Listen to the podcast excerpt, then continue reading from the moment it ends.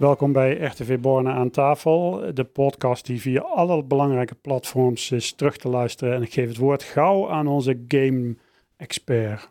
Een hele goede avond, Maurice hier. Ik, uh, ik wil het uh, vandaag eventjes gaan hebben over de, uh, ja, de, de release van deze week natuurlijk. Dat is FIFA 20. De menig kind en volwassen die heeft het er natuurlijk wel over gehad. Ja, ik laat ik maar gelijk beginnen, want ehm, ja, onze review van FIFA 19 eindigde namelijk vorig jaar nog met de woorden... een echte knaller zat er helaas niet in dit jaar. Het blijft hopen dat EA inziet dat het een toevoeging als FIFA Street erg zou waarderen.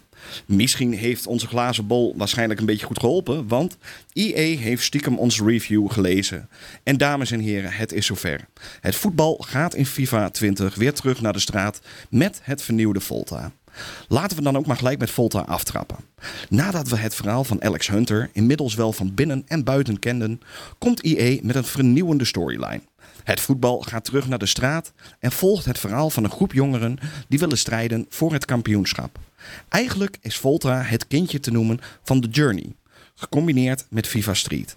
De manier waarop je door het verhaal gaat heeft veel weg van The Journey. De gameplay is dan ook meer gebaseerd op Viva Street van enkele jaren terug. Met de story mode van Volta ben je toch wel zeker zo'n 5 à 6 uur zoet.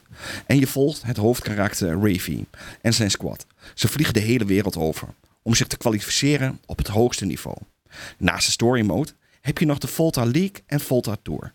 In Volta Tour kun je jouw skills laten zien in een online modus, waarbij je het opneemt tegen teams die door andere spelers uit de community gemaakt zijn.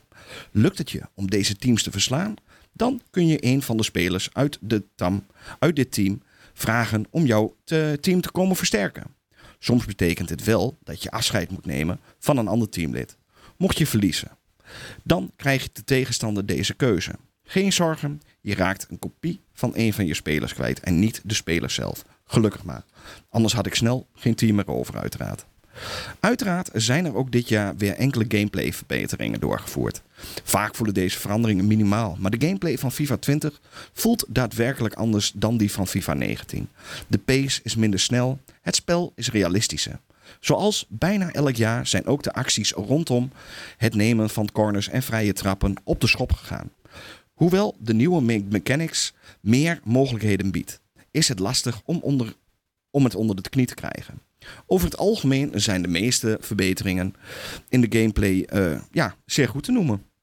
Balbehandeling is ook belangrijk en realistischer gemaakt, waardoor verdedigen dit jaar extra anders voelt. Zomaar een speler opjagen en hopen op het beste brengt meer risico met zich mee. De defensive AI, oftewel artificial intelligence daarentegen, is slimmer gemaakt.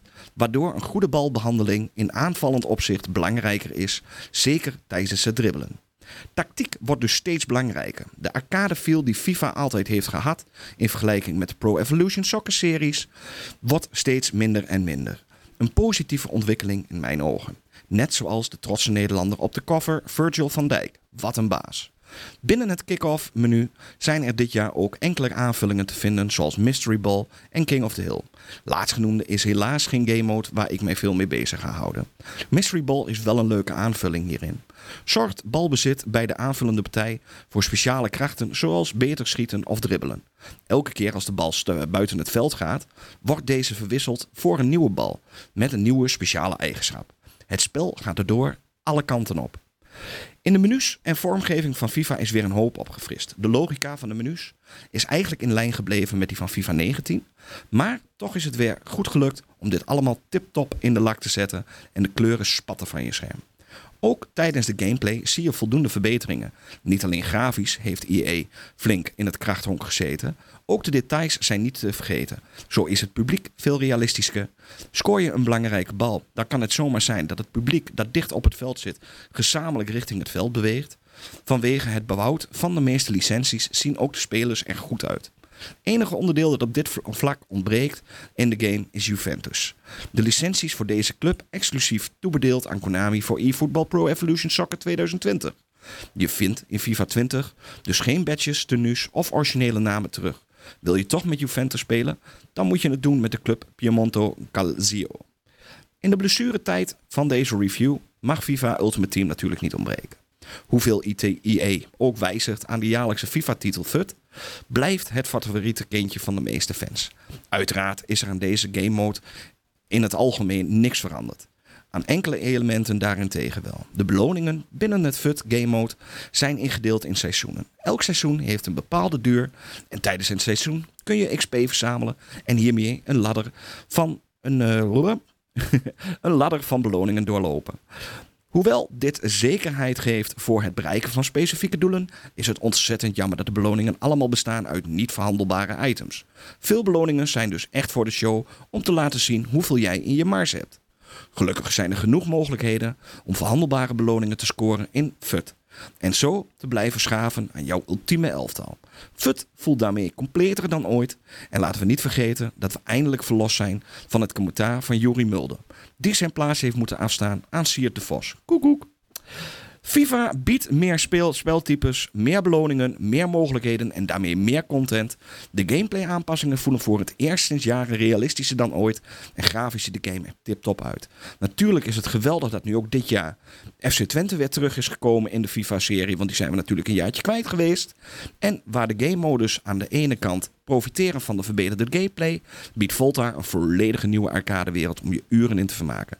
Panna's, freestyle, hoog houden, je moet alles uit de kast trekken om indruk te maken op diverse speelvelden. Zeer vermakelijk en laten we de traditie in ere houden en een voorspelling doen voor FIFA 21. EA, het wordt nu zo langzamerhand tijd dat de jarenlange verwaarloosbare offline carrière modus nieuw leven ingeblazen wordt. Luisteren jullie mee?